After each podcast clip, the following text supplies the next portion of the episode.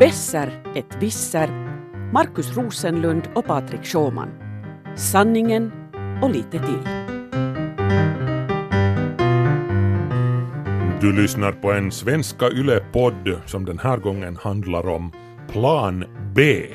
Det gör du. Och uh, Marcus, Ja. vad är plan A? Plan A, det är det som vi gör nu. Ah, okej, bra. Vi behöver en plan B för klimatet, för som vi har varit inne på redan i den här podden eh, i ett tidigare avsnitt så, så det blir varmare. Den här sommaren, den gångna sommaren har varit ett, ett tydligt tecken på det. det Och då, då liksom plan A, det är det vi gör just nu, liksom använder fossila bränslen och kör på som att det är en bra idé. Ja, alltså Donald Trump är ju en förespråkare av plan A. Vet du, kol, på hans rallies, på hans uh, sammankomster står det folk och viftar med, med, med skyltar som det står bara kol, kol på. Vet du. Det är plan A. Okej, det här landar alltid på något vis hos Donald Trump när vi pratar där, men vad, är plan B? No, plan B, no, det, det är i princip det som vi har talat om redan länge, att vi måste eh, minska på koldioxidutsläppen, helst ganska fort. Men eh, det är inte riktigt säkert att det ens räcker, för nu behöver vi en plan C snarare, då, en där vi tar bort koldioxid från atmosfären och ganska fort dessutom, för, för, ja, för annars går det, går det lite tokigt. Och det här Men det är jättebra man får det här att fungera, alltså att vi liksom, det betyder att vi kan liksom så att säga backa från var vi är nu. Ja, no, det, det har ju föreslagits en massa olika metoder för att ta bort kol från, från atmosfären som alla är på något vis lite industriella som involverar maskinerier och, och, och saker. Men, men varför, varför uppfinna hjulet på nytt för, för det här har gjorts tidigare. För 50 miljoner år sedan var jorden väldigt het. Alltså jorden hade riktigt svår feber för 50 miljoner år sedan. Uh, Alltså hade det här att göra med samma växthusgaser som vi talar om idag? no, jo, jo, koldioxid också då förstås, men, men i ännu större mängder. Alltså koldioxidhalten i atmosfären var någonting i stil med över 3000 d- parts per million, delar per miljon. Då, nu är vi uppe i drygt 400, så vi är ju långt ifrån det. Men då var också, vet du, den globala medeltemperaturen var 12 grader högre än, än den är nu som, som mest. Så, så det var, jorden var ett hothouse som man säger på engelska, en, en ångbastu mer eller mindre, en turkisk bastu. Kan vi alltså få det tillbaka om vi skulle ta och gräva upp allt kol som fanns då och använda det i fossila bränslen? No, tja, no, ja i princip, men, men det, det skulle förstås ta en stund in, innan vi skulle knappast hinna, hinna se det. Människans liv, liv är så kort och så vidare. Men, men i alla fall, eh, jorden led alltså av feber och, och det där, någonting behövde göras och, och hur det nu råkade sig så var det en liten anspråkslös Eh, levande varelse som, som gjorde det. Uh, om du tittar på hur jordens temperaturkurva har utvecklats från den här stunden för ungefär 50 miljoner år sedan fram tills nu, så kan du iaktta att den, eh, trenden är hela tiden neråt. Det går ibland då uppåt lite, men, men den här huvudsakliga trenden är neråt. Det har blivit kallare successivt, successivt, gradvis i, i 50 miljoner år. Och, och den här lilla anspråkslösa varelsen som fick till stånd den här uh, uh, utvecklingen så var en liten vattenormbunke, en mossbräken, Asolla filiculoide, om jag uttalar det rätt på, äh, på latin. Det är en växt som fortfarande existerar och den Alltså hur ser den ut? det, den, jag, no, jag vet hur den ser ut, jag har haft den hemma i akvariet och den är ett helsike när du en gång får den i akvariet. Den, den proppar igen ytan på akvariet, den växer så fort att den täcker hela ytan. Den flyter alltså? Ja, den flyter. Det är en li, liten grön, grön växt som gröna så lite vaxiga blad Som växer i vatten? som växer i vatten. Ja, Eller den- på vattenytan? Ja. Ja, det, det är en väldigt vanlig växt i världen. Den finns i ja, Sydostasien, i Kina. Uh, kineserna har haft den på sina uh, risodlingsdammar redan hur länge som helst. Och, och grejen med, med Asolla då, alltså för 50 miljoner år sedan, vad Asolla gjorde då, ja den den hittade en trevlig liten sjö åt sig uppe på Nordpolen, för Nordpolen var en insjö på den tiden. Den, den, eh, kontinenterna låg lite annorlunda då, Atlanten existerade inte egentligen alls, utan vet du, det var, det var den, det är lite som nu nog där uppe i norr, alltså. Nordpolen var hav, men sen låg de här kontinenterna tätare så att så att eh, Nordpolen, på Nordpolen fanns det i princip en insjö, en väldigt varm. Och var den alltså salt eller söt då? No, den blev söt med, med tiden när, för de här, de här små förbindelserna till havet, de proppades igen med tiden. Så den blev till en sjö som dessutom försågs med mera sötvatten från en massa floder som rann in dit. Precis som vi, vi har nu floder uppe i norr som rinner ut i, i Arktis. Uh, så den blev allt sötare och sötare och Asolla är alltså en sötvattensväxt.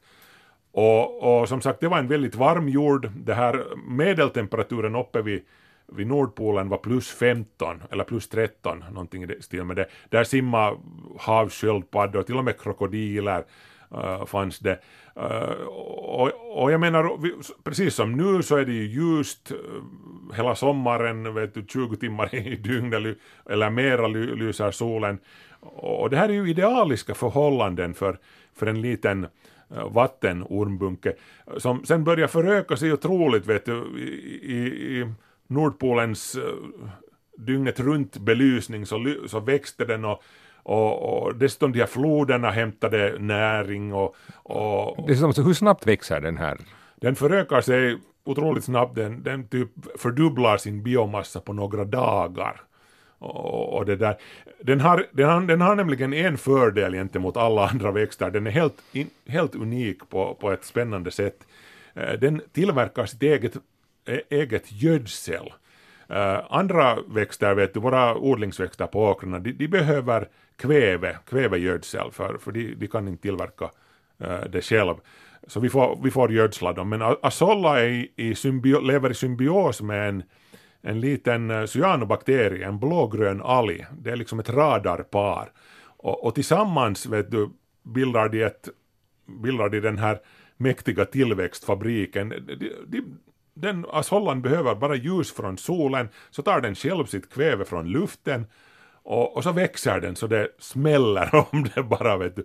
Och, och den, den absorberar uh, koldioxid från luften så det inte är sant. Alltså det, uh, jämfört med skog som du planterar eller som växer var som helst i princip så, så, eh, så absorberar Asolla 15 gånger mera kol från lu- luften än, än skog då, än, då en- per hektar.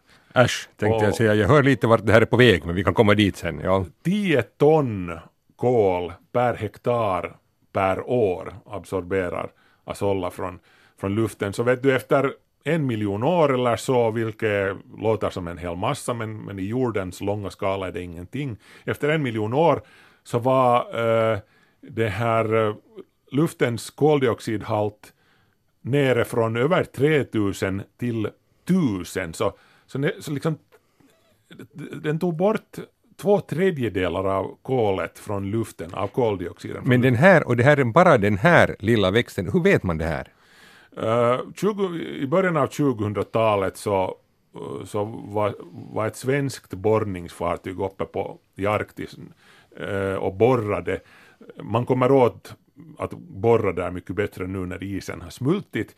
De, de borrade i en sån här djuphavsrygg där uppe i norr om Sibirien, Lomonosov-ryggen som sticker upp 3000 meter ovanför havsbottnen. Men under vatten ändå. Jo, jo, un- under vattnet, ja. Och de borrade ner där och drog upp en, borr, ett borr, en borrkärna.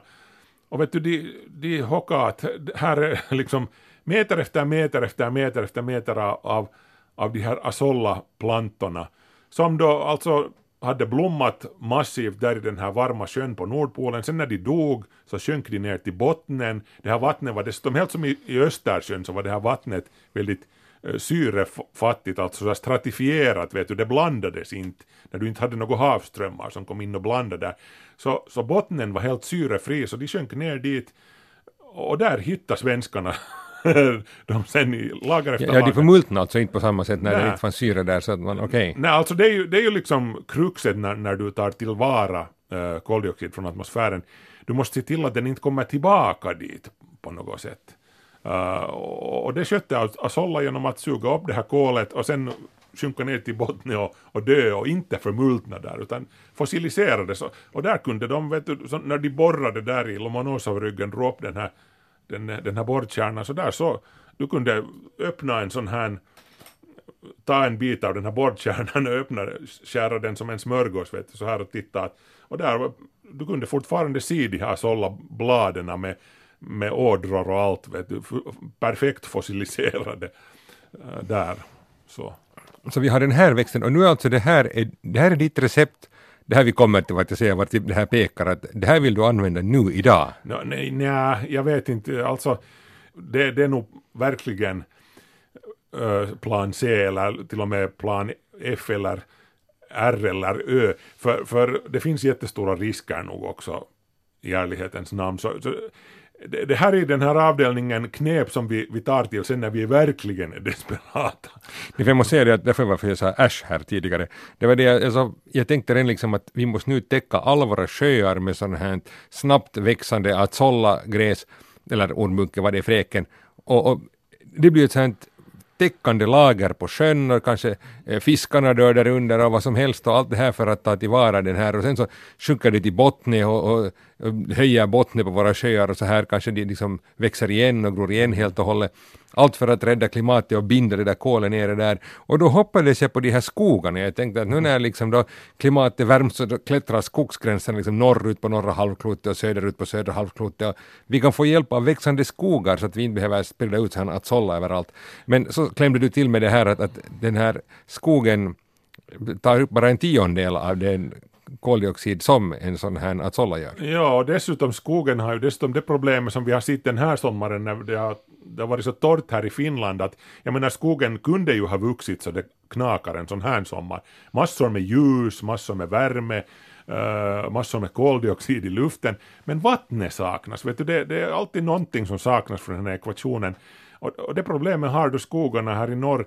Eh, Asolla har det inte, för Asolla växer i vatten. Så den, den har den biten på mammas gata, vet du. Den, den har alla de här ingredienserna. Okej, den behöver sötvatten, så, så det, vi kan inte täcka, åtminstone innan vi genmanipulerar den ganska kraftigt så kan vi inte täcka till exempel Stilla havet med Asolla så att jorden vet du, plötsligt skulle bli helt knallgrön sett från rymden. ja, och sen dör haven. En, en, en fråga, Östersjön? Azolla. Det finns alltså, jag läste just om en företagare som, en ung företagare som hade uh, föreslagit en sån här metod uh, att uh, rädda Östersjön, inte då klimatet, utan han fokuserar mera på på, på det där Östersjön, för, för du kan ju använda den till annat också. Det, det, handlar ju om att ta bort saker som inte egentligen ska finnas där. Det finns för mycket koldioxid i luften, men det finns också för mycket näringsämnen i havet, i, i Östersjön. Och Asolla tar ju bort av det också. Alltså, Asolla tar näring från havet. Fast den gör sitt eget gödsel? Ja, men nu tar den också från, från havet. Den, kväve är bara en sak förstås, den behöver nog andra saker också som sen finns i vattnet. Så, så han den här företagaren, han eh, menar att man kunde odla asolla i sådana stora, eh, lite som fiskodlingar mm, innanför bommar eh, till havs i Östersjön. Och, och, och sen skulle de växa där och föröka sig och suga upp en massa näring, ursäkta, från havet. Och sen Alltså några, några saker måste jag säga där. Eh, jag har förstått att här sollan, den är väl ätlig då, så att ja. jag menar, en sån grej här är ju det att, att om man odlar den där i Östersjön så man måste ju ta bort den därifrån sen. För annars, ja. det är ju ingen idé, annars bara skicka den till botten och så förmultnar den och så kommer alla de här näringsämnena tillbaka i vattnet. Nej men det är ju det fina med Asolla alltså, att den är, som du sa, den är ätlig, den innehåller en massa nyttiga vitaminer och till och med proteiner, så husdjursuppfödaren, alltså vet du, de som har kossor och sånt, har ju, de har ju varit väldigt mycket i strilet den här sommaren när fod, foderväxterna inte har vuxit när det har varit så torrt. Så, så det skulle ju vara vet du, två flugor i en smäll. Eh, jag vet att, att man använder asolla till exempel i Indien används det för som utfodring åt, åt, åt djuren där, så varför skulle det inte kunna funka här också? Det där låter annars jättebra, men eh, jag har aldrig ännu hört om någon sån odling var det inte ens skulle hända så att det som man odlar skulle kunna fly ut i naturen. Och jag ser framför mig att hela liksom finska viken, åtminstone kanske också bottniska viken, täcks av en sån här grön matta. Sen så får man hålla på och skörda utan bara glatta livet där, åka med båtar och skörda hela tiden och den växer, fördubblar sin växtmassa på två dagars mellanrum. Det behövs, vi har inte så många kor i hela Finland. Och sen tänker man sig att, att den växer ju inte naturligt i Finland och det beror Nej. på att den inte klarar vintern. Ja, precis. Men, men, men jag slår vad om att sen övervintrar de någonstans vid något sånt kärnkraftverk eller någonstans med varmt vatten och sen börjar det blomma av sig själv. Det, du har inte helt fel ska vi säga. Den där risken är ju, är ju överhängande och det finns ju alltid den här Jurassic Park-aspekten på de här, eh, de här uh, mirakelfixarna. Eh, saker händer som man inte hade räknat med och, och, och så plötsligt spårar allt sammans ur och, och sen behövs det en hjälte att fixa det och sen fixar ju hjälten ju det till slut och så rullar sluttexterna sen där. Ja, och, då, och så är filmen ganska dålig. Det är att Solla blev den nya Godzilla och det är en jättedålig B-rulle. Men- ja, och den är ju inte någon skräm, det, det är ju inte ett skrämmande monster heller, en liten grön vattenorm. Det, det är de som är de farligaste som först verkar sådär oskyldiga. Samtidigt är jag lite ledsen när jag sitter här och dissar det här. För det här är liksom just så här som man gör när man tycker att idéer låter galna och hopplösa. Men just den här veckan har jag faktiskt fått ett exempel på hur farligt det är egentligen att tänka så här, liksom, i, du, klappa på i, i, i gamla vanor och inte liksom vilja tänka utanför lådan så att säga. Eh, jag har talat med en företagare i Esbo. Eh, han heter David Brown ehm, och har grundat ett bolag som heter Broadbit. Eh, och vad de har gjort egentligen, de har suttit ner och funderat att de skulle kunna helt förnya sätt som alla ackumulatorer fungerar i världen, så att de ska vara mer miljövänliga. Det finns ju en massa problem, de innehåller Litium. litium och, och, och, liksom, och så den här coltane som används, som också är nyttan, det bryts i såna förskräckliga, under förskräckliga förhållanden i Kongo Ja. och bidrar till det krig som finns där. Eh, det, det är helt fruktansvärt, så att de satt ner och började fundera, tänk om man skulle kunna använda helt vanliga harmlösa ämnen och göra en akku av dem. Och så skulle den kunna användas i alla mobiltelefoner och elbilar och, och el, liksom allt som går med en akku, vad man nu har för eh, trädgårdsmaskiner och vad som helst. Ja. Och, och, och så kom det liksom då, hade de en kille som då satt och tänkte där och kom på att tänk, tänk, om det skulle fungera så att man blandar mest vanligt bordsalt de facto egentligen. Och så tar man, ja, och sen tar man lite silikonoxid, alltså glassand väl närmast. Och, och, och sen så tar man svavel som man får från bensintillverkning eller oljeraffinaderierna. Så att, ehm, och så använder man kol.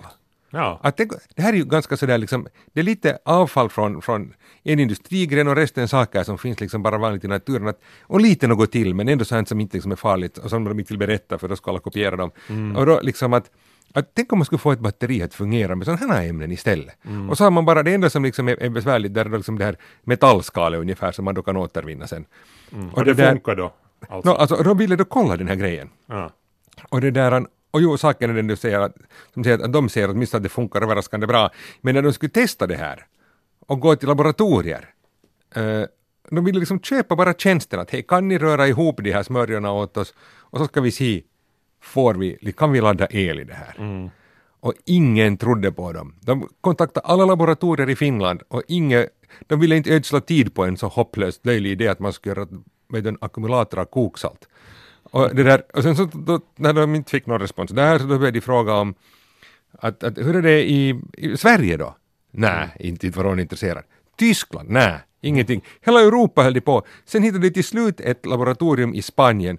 De bara skrattade åt den här idén också, men de hade något sånt här incentivsystem att, att de fick bonus för varje projekt de hade oberoende av om det ledde till någonting eller inte. Så att de liksom tyckte att de hade råd att satsa på en sån galen idé för de skulle få några pengar i vilket fall som helst. Ja, och de får ju sen en sju helsikes jackpot om det visar sig funka. Alltså för, för att det ska funka så, så det räcker inte att du kan lag, lagra ström alltså i den här akkun. Det, jag menar, du kan lagra ström i en vanlig potatis eller en citron. Det, det var i, fanns i gröngölingarnas handbok redan på 80-talet. Och den ska vi alltid hänvisa till. den, den tycker jag att alltid behöver lyftas upp. Eh, Men, men du måste dessutom ha någonting som, som slår eh, de här nuvarande lösningarna, huvudsakligen då uh, litiumjonbatterier, det måste vara snabbare att laddas, det måste äh, vara förstås billigare, och det här är ju billigare, det måste ha en större energikapacitet, äh, du, du, måste i princip klå bensinet vet du, i energilagren. Det, må, det måste vara snabbare att ladda upp en sån här saltakku än det, än det att uh, tanka en fulltank med, med bensin. Och energitätheten i den här akkun måste vara högre eller åtminstone lika hög som i en tank med bensin så att du kan komma men vet, varför, varför måste de vara så där bra? no, för att annan... Räcker det inte med att man liksom kan göra samma akku mycket miljövänligare? No, no, men det, det, måste nu i alla fall vara bättre än de här nuvarande. Det här är omöjliga krav, men vi ska se nu, jag ska gå tillbaka till hur det gick sen. okay, vi, vi, vi, vi, stannade vid ett laboratorium någonstans i Spanien var de skrattade att det här rörde ihop de här ämnena då.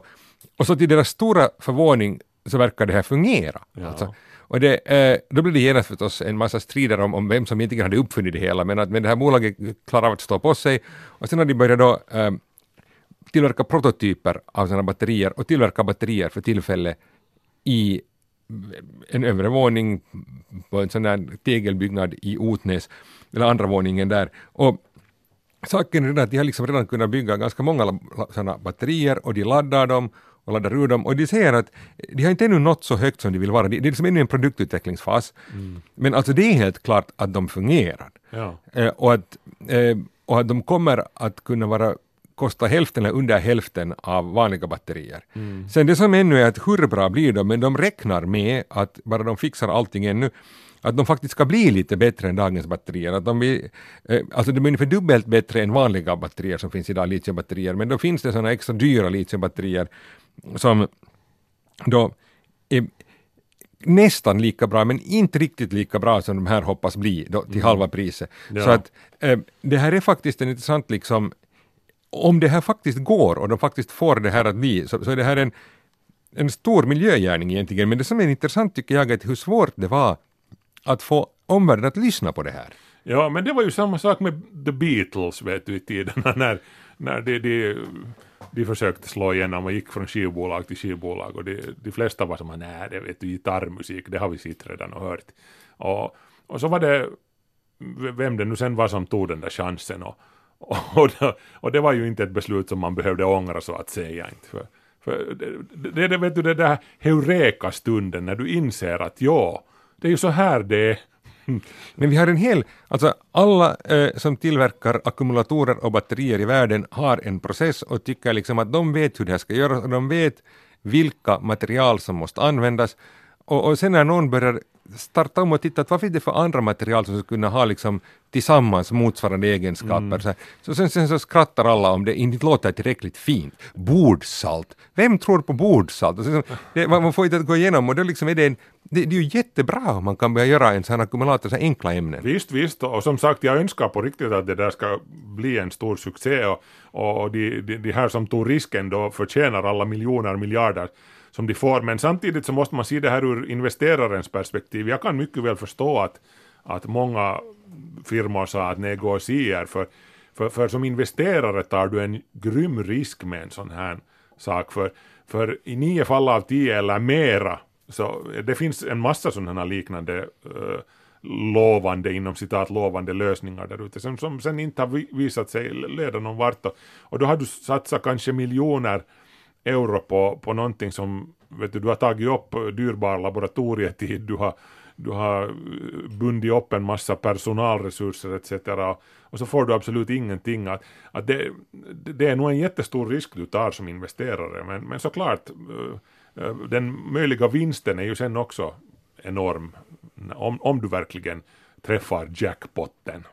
Men vi skulle faktiskt behöva, nu när vi tittar här, vi tittar på den här växthuseffekten och vi tänker på då eh, den här eh, Asolla, algen och vi tänker på just att man kanske kan hitta på sådana lösningar och man kan tänka helt om, men vi liksom, vi går på och är så vana, alltså eh, också den här samma företagaren David Brown, han sa att, att han vill bara ha ungefär folk som tänker utanför lådan. Mm. Att, att därför, och han, därför vill han inte, han anställer inte av princip folk som kan det vad man gör tänkte jag säga. Mm. det är inte det viktiga för honom. För folk som har liksom blivit lärda och har utbildat sig på ett visst sätt så tänker liksom som om det är det enda rätta sättet att göra saken. Och det är fiffigare att, att anställa någon som är faktiskt intelligent och duktig men kanske kommer från någon annan disciplin och kan se på saken från ett lite annat håll. Och då kan man tänka i nya banor. Ja, no, det var därför till exempel som FNs klimatpanel när de satte ihop sin senaste syntesrapport så, så tog de med, förutom de här normala vet du, meteorologerna, klimatforskarna, så tog de med en filosof dit också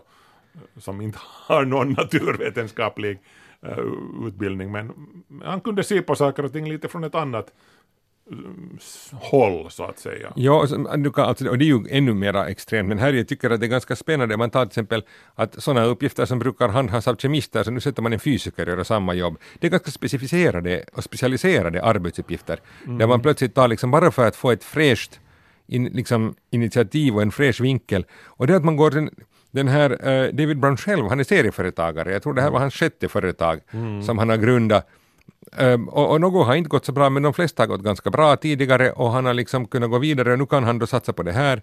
Och ingenting av det här är någonting, den här branschen, det, inte det här någonting, han har någon, vad var det, någon flygplansteknik som han hade utbildat mm. sig till. Inte, han kunde ingenting om batterier och man hör ganska ofta företagare som gör så här att man bara får en idé, man, en, en annan har öppnat ett ölbryggeri hade aldrig ungefär bara druckit några burkar öl i sitt liv och beslutat att man kan öl, plötsligt kan man brygga öl och här är en som kommer och säger att ja, jag har lärt mig om flygplan men nu så kan jag göra plötsligt batterier bättre än alla andra som är i branschen och vet precis hur det här har gjorts under hundra år. Ja, men det, det, finns ett värde av att inte veta någonting om saker. Vet du. Om du går in i en bransch utan någon som helst kunskap om det så jo, nio gånger av tio kommer du att falla platt på reven och det blir ingenting av det. Men ja, sen, det har man ju också sett faktiskt. Ja, men den här ena gången som, som du bara har en sån jäkla bondtur så, så är du den här som uppfinner det där revolutionerande batteriet som, som räddar hela världen eller den där klimatfixen. Eh, och det är klart, jag menar, vi, vi måste ge utrymme åt de här dårarna som kommer helt vet du, någonstans ifrån uh, puntakar som finnen säger. För, för, för, för nio gånger av tio eller mera så går det åt helsike med dem, men den där ena gången så kanske de räddar jorden. Men så måste vi också då lyssna på dem, vi måste se dem och hitta dem. Jag tycker det är ganska intressant att, att det kommer ändå utbildade människor och säger att vi har kanske uppfunnit ett nytt sätt att lagra el och alla är sådär att nej, att mm. vi, orkar, vi orkar inte faktiskt testa det där heller, att ja. det där är ingen idé. Ja, men därför är det bra att vi har just uh, sådana här sammankomster som Slush här i Finland, där folk får vara och vädra sina, uh, sina galna idéer. Och då, då är det alltid någon angel investor där som, som hockar det att hej, hej, det där, det där är just så galet att det skulle kunna fungera. Så det, vi behöver mer den här networking och, och vet du, rubbing shoulders, folk som träffar och, och, och dockar tillsammans och, och byter ut i galna idéer. Och det, det, det, är, det är ju gäster, det är ju en kataly, katalysator för idéer. Det är mera sånt. Mera sånt, man ska, mera att tänka utanför lådan.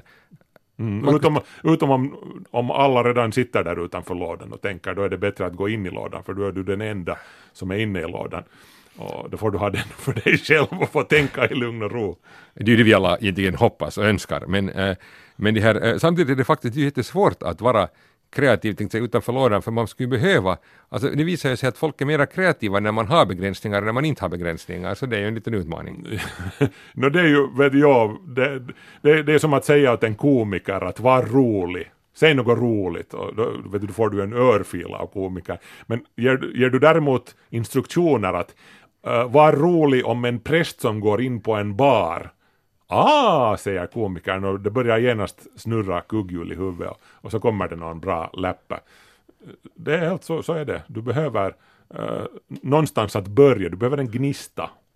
Okej, uh, men kan, kan vi nu vara, Markus, kan du vara rolig om att sålla? nej! nej, nej, inte kan jag heller uh, uh, Uh, vet du, det här med ackumulatorer, spänning i livet, det flyger inte så högt det här nu här heller. Uh, vi, vi, måste nog gå till, till, till krogen och ladda våra, ladda våra akkun lite. Så att uh, där, där fick du nästan till det. Jag tror vi måste där, gå utanför lådan nu så att vi, vi får avsluta det här och vistas till utanför lådan tills nästa gång då vi är tillbaka i en podd nära dig. Du har lyssnat på Marcus Besser Rosenlund och Patrik Visser Sjöman.